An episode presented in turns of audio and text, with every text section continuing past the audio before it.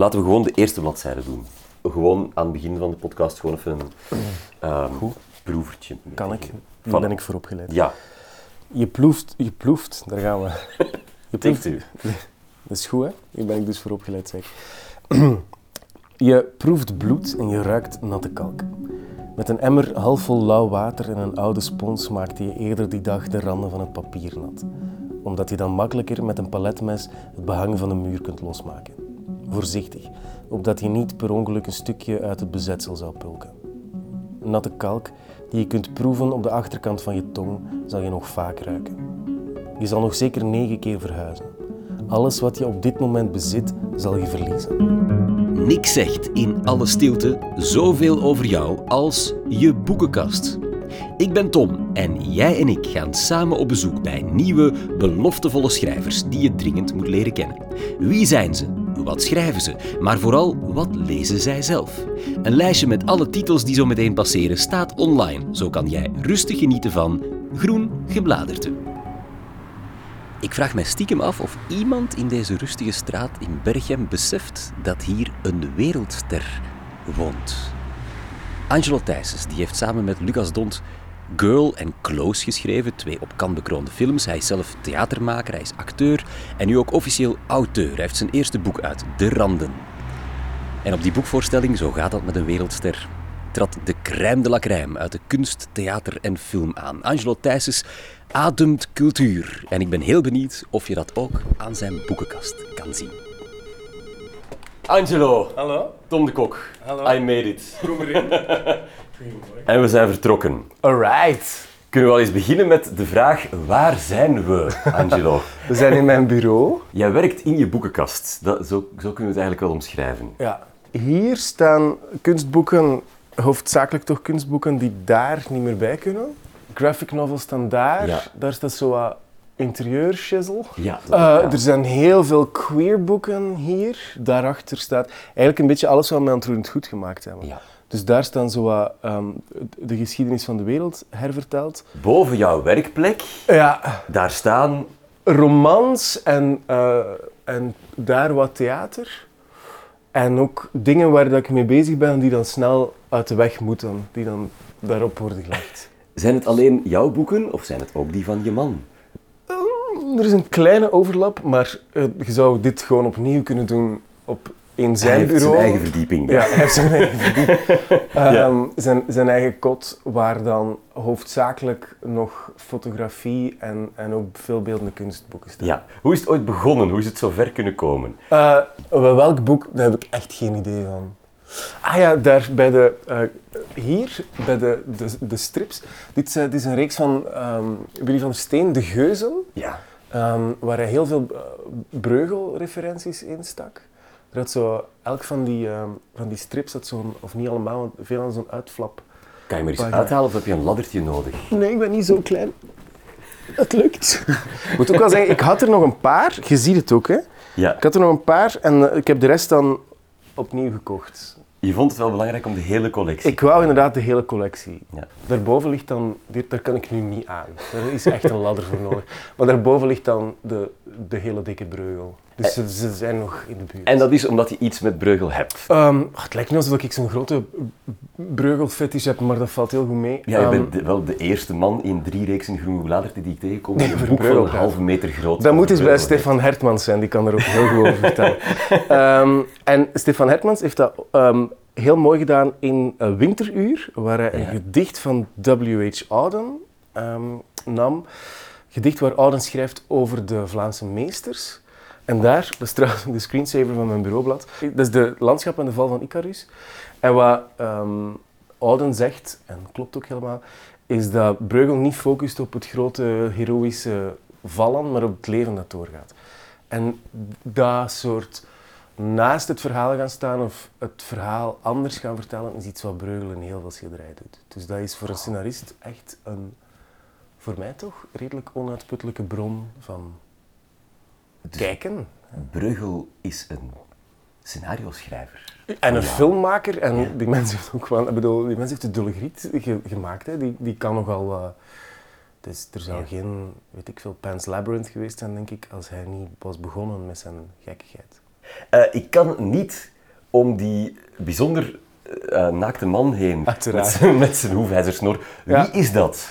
Ik heb geen idee wie de man in kwestie is. ik weet wel eh, wie de kunstenaar is die... die ehm, Nee, Tom of Finland is een Finse ehm, man die niet eens Tom heette. Ehm, en die sinds niet zo lang na de Tweede Wereldoorlog zo die typische, bijna quintessential eh, queer, stoere, gespierde mannen heeft gemaakt. Ik heb er zelf weinig tot niets mee, maar het is wel belangrijk werk. En als je, zoals ik, in, in veel van wat ik schrijf bezig bent met hoe dat manbeeld en zeker dat queer manbeeld in elkaar zit, is het iets om je ja, te- tegenover te verhouden bijna. Ja. De, de sexy flik, de geile soldaat en de beefcakes. Eh, kunnen we er eens in kijken? Jij mocht daar zeker eens in ja, het, het is niet voor mij, het is voor een vriend. Ja, Ah ja, ja, dat is dat.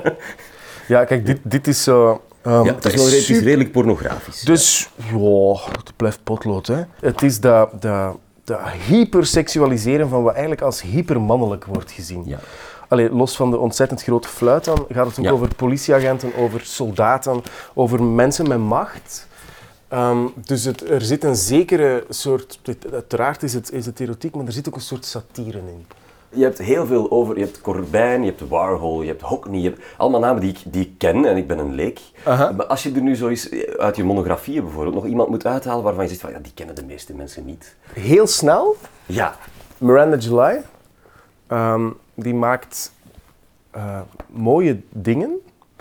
Ehm, films, installaties, romans, eh, non-fictieboeken. Heerlijk inspirerende vrouw. Met een geweldig gevoel voor humor.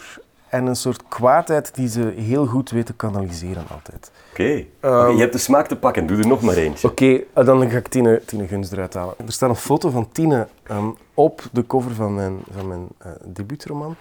Ehm, Watching the Black Between the Stars is een, een van de vele boeken die Tine de laatste jaren gemaakt heeft. Het is Ehm, fotografie. Het is fotografie, ehm, maar ja, Tine is waarschijnlijk een van de liefste mensen die ik ken. Maar haar werk is zo dreigend, daar zit zo'n dreigende ehm, ondertoon in. En tegelijkertijd is dat altijd heel erg troostend, om, omwille van de esthetiek. Het zijn landschappen. Het, Het zijn landschappen, soms zijn het mensen, Ja. soms zijn het dieren, soms zijn het objecten. Ehm, zij, zij laat het licht juist niks. Zij beslist. En zij, zij, zij kiest, zij maakt composities. Ehm, en dat is, ja, dat is het verschil tussen iemand die, die een Kodak heeft en iemand die fotograaf is. Je had het net over de queer afdeling. Wat voor boeken staan daarin? Goh, daar, sta, daar staan de, de kinderboeken van Fleur Pirets, die staan daar. Die staan daar. Dit is de eerste. Dus Fleur heeft een ehm, sowieso waanzinnig mooi en hartverscheurend boek geschreven, waar ik op dit moment een scenario van aan het maken ben. Dus Julian.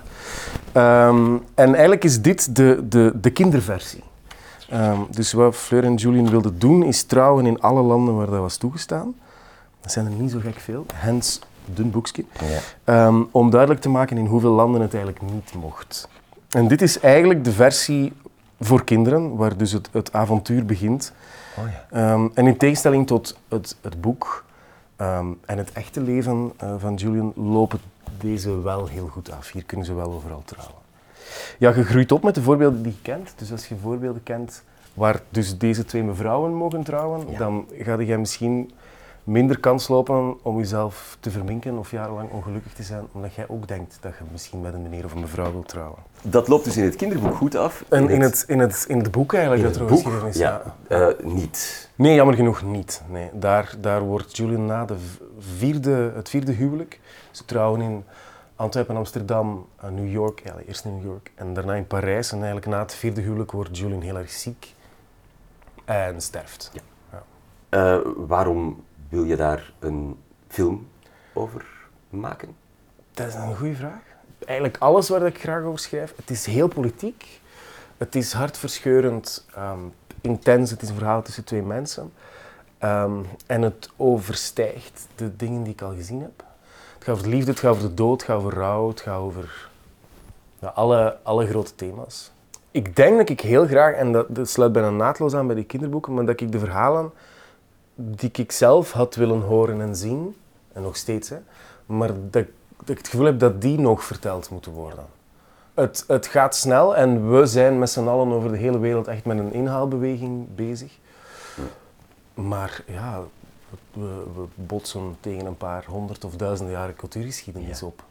jouw queer boekenverzameling, zit daar een boek tussen dat jou persoonlijk ook echt veranderd heeft? Waar je dan iets in Ja. gevonden hebt dat je zocht? Ik, dit komt een paar keer voor, eigenlijk degene waarover ik het wil hebben. Ehm, Didier Ribon, biograaf van Michel Foucault, heeft ehm, denk een jaar of tien terug een boek geschreven. Shit, ja, het is uitgeleend. Ja. Zo belangrijk Dat is een het. goed teken dat het Ja, uitgeleend is. ja. Ja. Ja, Ehm, hij heeft een boek geschreven dat ehm, Terug naar Reims heet. Retour à Reims.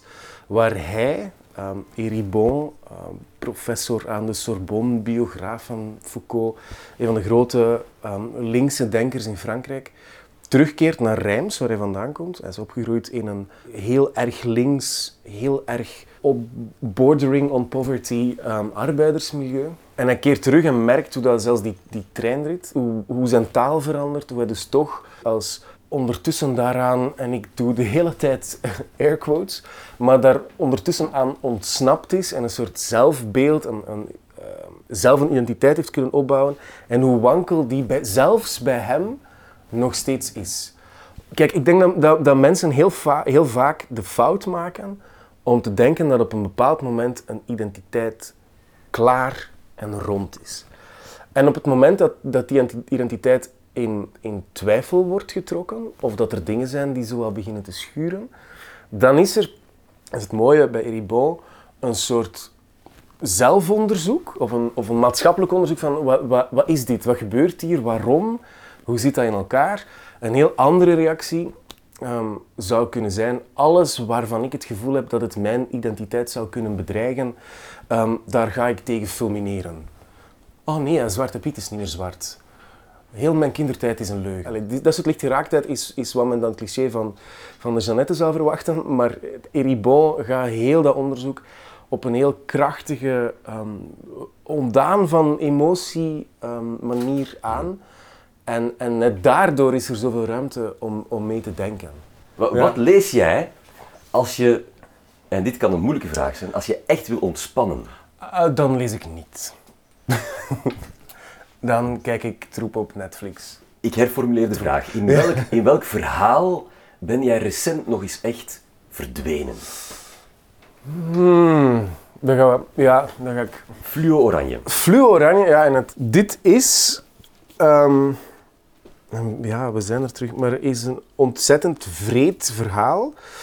Een, een totaal stuk gelopen, fout gelopen relatie, die opgebouwd is, ehm, in de Dreamhouse heet, dus het gaat over een soort idylle die uiteenspat. Elk hoofdstuk is een ander genre. En dat klinkt als een soort heel erg vervelende literaire clusterfuck waar je zo twee recensenten heel blij mee maakt. Maar, en, en dan is elk werk op zijn best natuurlijk. Vorm en inhoud vallen zo ranzig goed samen. Het is sowieso een verzameling grote ideeën, maar het is ook echt een hartverscheurend eh, verhaal. Je leent wel eens een boek uit. Ja, Doe dat ook met verhalen, met romans? Ja, ehm, de fantastische David Eagleman is een, eh, een Amerikaanse neuroloog. En heeft een boekje, echt een boekje geschreven, dat heet Some, Tales from the Afterlife. Korte stukjes over mogelijke afterlives, mogelijke dingen die er na de dood zouden kunnen zijn. Hij is een heel rationele neuroloog. Ehm, en dus het gaat ook meteen over de onmogelijkheid van die afterlives. Supermooi. Ehm het boek is ik gok 10, 12 jaar oud en is in een niet zo grote oplage verschenen. En ik denk twee jaar geleden was er plots een herdruk. En dan heb ik echt een stapeltje gekocht ehm, bij, de boekhandel, eh, omdat dat echt zo'n heerlijk boek is om cadeau te doen. Ik wil je graag nog de kans geven om er zo nog één boek uit te halen waarvan je zegt van, maar dat is nu spijtig dat hij daar niks over gevraagd heeft, nadat je de deur hebt opengemaakt. Wel, misschien komen ze boeken brengen. Dankjewel. Ze brengen letterlijk een bestelling boeken. Het is vol! Hoe Het is vol, ja. Stop ermee. Hou ermee op. God, ik blijf nu echt bij... Ik kan echt over alles nog, nog dooremmeren. Er, die, ik las onlangs voor het eerst van eh, Hilary Mantel, de, The Assassination of Margaret Thatcher. Ik heb dat boek in een boekhandel in Parijs gekocht. Kijk eens, hier is die. Uh, Hilary Mantel is vooral bekend om eigenlijk, ik denk Wolf Hall of hoe heet het, een hoop dikke, dikke historische boeken. En ik vind altijd schrijvers die iets doen wat ze normaal niet zo direct doen, is vaak heel erg spannend. Ehm, En ze schrijft korte verhalen die bij mindere goden allemaal materiaal zouden geweest zijn voor een lijvige roman. En zij denkt, geef mij 30 pagina's, jong. Ehm, en dat is indrukwekkend, omdat het op geen enkele manier gehaast voelt. Dat blijft puntig, dat blijft juist. Ze heeft alle tijd genomen die ze nodig had. En ja, dat, dat meesterschap, als je het kunt vertellen op 30 pagina's, en mij toch helemaal van begin tot het einde meepakken, ja, echt. Nu leg je weer op een andere plek terug. Ja, het, eh, ik, denk, de- ik denk in de herfst, dan gaat alles eruit en dan gaat alles er opnieuw in. Zometeen hebben we het nog over het heel bijzondere huiswerkboek dat ik van Angelo moest lezen. Maar eerst zijn eerste even korte als efficiënte eigen boek, De Randen. We kijken mee in de jeugd van een jongen die gebukt gaat onder angst en huiselijk geweld, terwijl hij ook nog eens zijn geaardheid ontdekt. En we zien hoe datzelfde kind als volwassene zijn puberliefde opnieuw ontmoet, aansluiting zoekt, vindt en ook opnieuw verliest. Na al dat theater en die films is dit een pracht van een romandebuut. Ik was eigenlijk begonnen met een, een soort desired scenes lijst. Dit interesseert mij, dit hier wil ik het over hebben, dat interesseert mij. En film is een fantastisch genre, maar dat is als scenarist ook heel beperkend. Er is maar één perspectief, namelijk de derde persoon enkelvoud. Eh, er is maar één tijd, zelfs al zijn er flashbacks dan nog wat in een, in een roman of in, in fictie kan om in een bijzin te zeggen, zoals hij de afgelopen vijf jaar deed. Als ik dat in een scenario wil doen, dan moet ik een scène vinden of een beeld vinden wat duidelijk maakt dat iemand dat het een herhaalde handeling is in die handeling, of ik moet daar iets voor, of, nou, of hij moet dat zeggen, of je hebt een voice-over. Er zijn labmiddelen nodig om eenzelfde eh, spontane vertelling te kunnen vinden. En ik voelde bij mijn lijst Desired Scenes dat daar dingen in zaten die ik zonder kunstgrepen niet in, in die eh, audiovisuele fictie kreeg. En dan was in dit geval een, een roman een betere vorm dan een film. Ik geloof ook niet dat iets zomaar helemaal verzonnen wordt. Allee, zelfs, ik denk dat zelfs de Star Trek afleveringen die ontstaan omdat iemand ergens naar gekeken heeft en dacht, hé, hey, wat als mannen en vrouwen nu eens echt gelijk zouden zijn en er bestaat een planeet? Hoe zou dat zijn? Dat komt vanuit een vraagstelling die te maken heeft met de wereld waarin iemand leeft. Waar komt het verhaal en het hoofdpersonage van De Randen vandaan? Ehm, uit een, een wens om iets te zeggen over die tijd en dat moment in, in een leven. Ehm, ook deels in het mijne. Ehm, maar ik ben er echt voor op mijn hoede om, het te, te, zeer, om mezelf te zeer te laten samenvallen met mijn hoofdpersonage. Om te praten over verschillende vormen van onbeantwoorde liefde. Ehm, en dat gaat zowel over, over kinderen en ouders, dat gaat over, over grote eerste en daaropvolgende liefdes, dat gaat over een, een, een wereld graag zien en daar toch een deel van uitmaken. Ja, we kunnen om te beginnen niet om het geweld heen. Er wordt op het hoofdpersonage in zijn kindertijd Ja. zwaar geweld gepleegd Ja. door, zijn, door zijn moeder. Ja. Wat opvalt is een vaak nogal werktuiglijke beschrijving van dat geweld. Meer de resultaten dan de emoties. Maar ik denk dat dat sowieso iets... Dat is wat, wat Lucas en ik als we films schrijven ook doen. We hebben het heel vaak over de gevolgen van geweld, omdat we te vaak geweld zien. We zijn immuun voor geweld, maar we krijgen te weinig de gevolgen. En het zijn die gevolgen die we meeslepen. Die daad van geweld is zo kort. En de nasleep van, van zoiets kort, daar wordt te weinig... Dat is te weinig het verhaal. Het verhaal is niet het geweld. Het geweld is irrelevant het gevolg van het geweld. Daar gaat het over. Of de oorzaak, desnoods. Maar het geweld zelf is al te vaak belicht geweest. En toch keert als lezer je maag om bij passages als je werd bij de kraag van je pyjama je bed uitgesleurd omdat je het licht moet uitdoen. Want denk je dat het geld op mijn rug groeit misschien? En je botste met je neus tegen het nachttafeltje en in het midden van de nacht keek je naar je gezicht in de spiegel en je was al blij dat je neus niet gebroken was en alleen maar bloedde. Dit gaat over een kind van tien. Ja. Het kind verbergt het geweld en vindt ook wanneer het hulp zou willen, wanneer het huilend langs de kant van de straat loopt in het holst van de nacht. Niemand, geen hulp. Het Ja. kind is alleen. ja. Zo zijn er echt godsgruwelijk veel. En dat geldt voor ehm, een, een gigantisch dreigende hongersnood in Afghanistan, maar ook voor inderdaad een tienjarige die huilend langs de kant van de weg staat en waarvan mensen denken, het zijn mijn zaken niet, het is mijn kind niet, ik ga mij niet moeien. Ehm, terwijl dat natuurlijk wel zo is. Uh, je moet je moeien, je moet spreken of luisteren op zijn minst als er iets is. In dat opzicht is het hele boek denk ik een heel nogal militant politieke ehm, uiting in een heel kleine uh, een heel klein fictieverhaal, maar het is wel het gaat wel daarover. Het gaat over die onverschilligheid die we hebben voor geweld. Ja, zijn moeder sterft. Hij probeert dat een plaats te geven of te verwerken door bepaalde wonden opnieuw open te maken. Of door heel zorgvuldig naar de littekens te kijken. Ik weet niet of die, of die wonden terug open gaan. Er wordt ook redelijk over littekens geschreven trouwens in het, uh, in het boek. Ja, waarover niet gesproken mag worden. Ja? Ja. Die moeten verborgen blijven, die littekens. Ja. Maar eens de moeder sterft, worden ze bestudeerd. Ja, dan is er een soort vrijheid. Hè?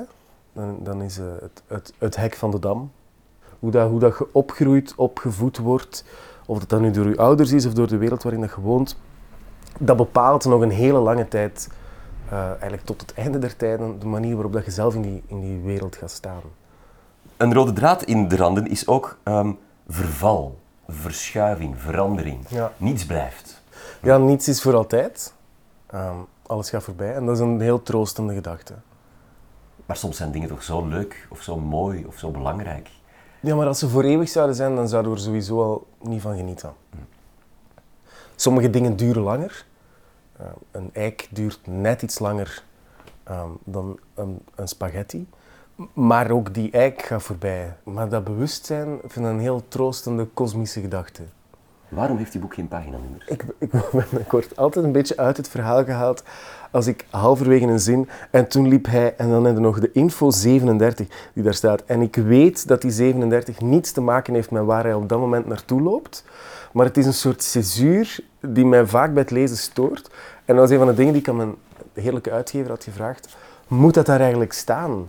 Het is een beetje gelijk een film kijken op, op, op Netflix of Mubi of eender waar. En dat die balk in beeld is. Die je zo de hele tijd bewust maakt van het is nog zo lang. En dus ik wou dat niet. Dus nu is dat eruit. Elk van mijn gasten mag mij één boek opleggen dat ik moet lezen voor ik op bezoek mag komen. En Angelo koos voor Here van de Amerikaanse tekenaar Richard Maguire. Een unieke bom van een graphic novel. Het hele boek lang kijken we eigenlijk naar precies dezelfde locatie, een huiskamer. Maar de tijd verspringt van miljoenen jaren voor Christus tot in de verre toekomst en alles daartussen. Mensen, meubels en ook het huis zelf verschijnen en verdwijnen. Zonder veel woorden toont Maguire de parallellen en de verschillen en vooral de vergankelijkheid. Allemaal vanuit dat ene perspectief op die ene plek. Ik vind dat zelf ook heel heel fascinerend. Daar ben ik ook heel blij om in een, in een stad te wonen die, die geschiedenis heeft en waar geschiedenis heeft bestaan. Hier naast mij is een van de, de struikelstenen. Kleine, kleine steentjes, kleine gedenkstenen van mensen die tijdens de razzia's um, weggehaald zijn uit de plek waar ze wonen. En de meeste daarvan zijn in concentratiekampen beland, vergast en verbrand. Ik ben me daar door dat steentje van bewust en ik ben daar op een of andere manier heel erg dankbaar voor een constante herinnering aan de verschrikking die letterlijk hier, hiernaast zijn gebeurd. Um, en ik denk dat we onszelf daar soms te weinig van bewust zijn. Van het grotere historische geheel waar dat we een, een deel van zijn. En ook een, een, een fucking verantwoordelijkheid um, voor hebben. Met z'n allen. De hele tijd. In uh, eh, 10.000 voor Christus ligt er een bison in het midden van de woonkamer. Op die plek lag rustte ooit een bison. Voor er een woonkamer was. Voor er een woonkamer was, ja. Dat is het leuke, hè. Ik bedoel, ik, wij wonen nu in een, in een huis waar vroeger het, um, het kostuumatelier was van het militair hospitaal, wat onder Napoleon hier gezet is. En dus dat, dat, het, het, weten wat er op een plek was, ja, daar zit toch een, een soort raar genot in. Maar ook bewustzijn van waar we vandaag mee bezig zijn, zit ook in uh, hier. Ja. 2213, 2213 zeggen ze dan waarschijnlijk. Ja, ja. Ehm, Topjaar. is er een, uh, een gids die op de plek waar de woonkamer, waar we al de hele tijd binnenkijken, ooit stond, geeft een rondleiding. Uh, en praat over ons zoals wij over um, de renaissance of de Incas zouden praten. Wat, wat gaat er van ons overblijven? Moeten we daarmee Veel te zijn? veel. er gaat echt veel te veel van ons overblijven. De, de, de zee zal forever vol zitten met, met plastic en de lucht met chemicaliën. Uh, dat kunnen we niet zeggen hè, van, van de Incas of de Etrusken. We maken tijdelijke dingen die dicht bij de eeuwigheid aanleunen. Dat is een beangstigende gedachte. Um, en niet om iets na te laten voor anderen, zoals daar ooit aquaducten, kathedralen of Rubens waren. Maar gewoon omdat wij al eens scheren een plastic zak hebben um, als we brood gaan halen. Dus dat, dat we bewust zijn van dat we dus de hele tijd dingen nalaten. Um, dat we een soort erfenis achterlaten. En wat die erfenis dan moet zijn, ja, daar doet dat boek toch heel mooie dingen mee. Alle titels die in deze podcast de revue passeerden, kan je makkelijk online in een lijstje terugvinden. Deze reeks stelt nog een heleboel afleveringen, goed voor vele jaren leesplezier. En als we je geïnspireerd hebben, mag je ons altijd eerlijk reviewen of delen. Deze podcast is gemaakt met de steun van Sabam for Culture en de wonderlijke muziek is van Sander de Keren. Heel graag tot een volgende keer.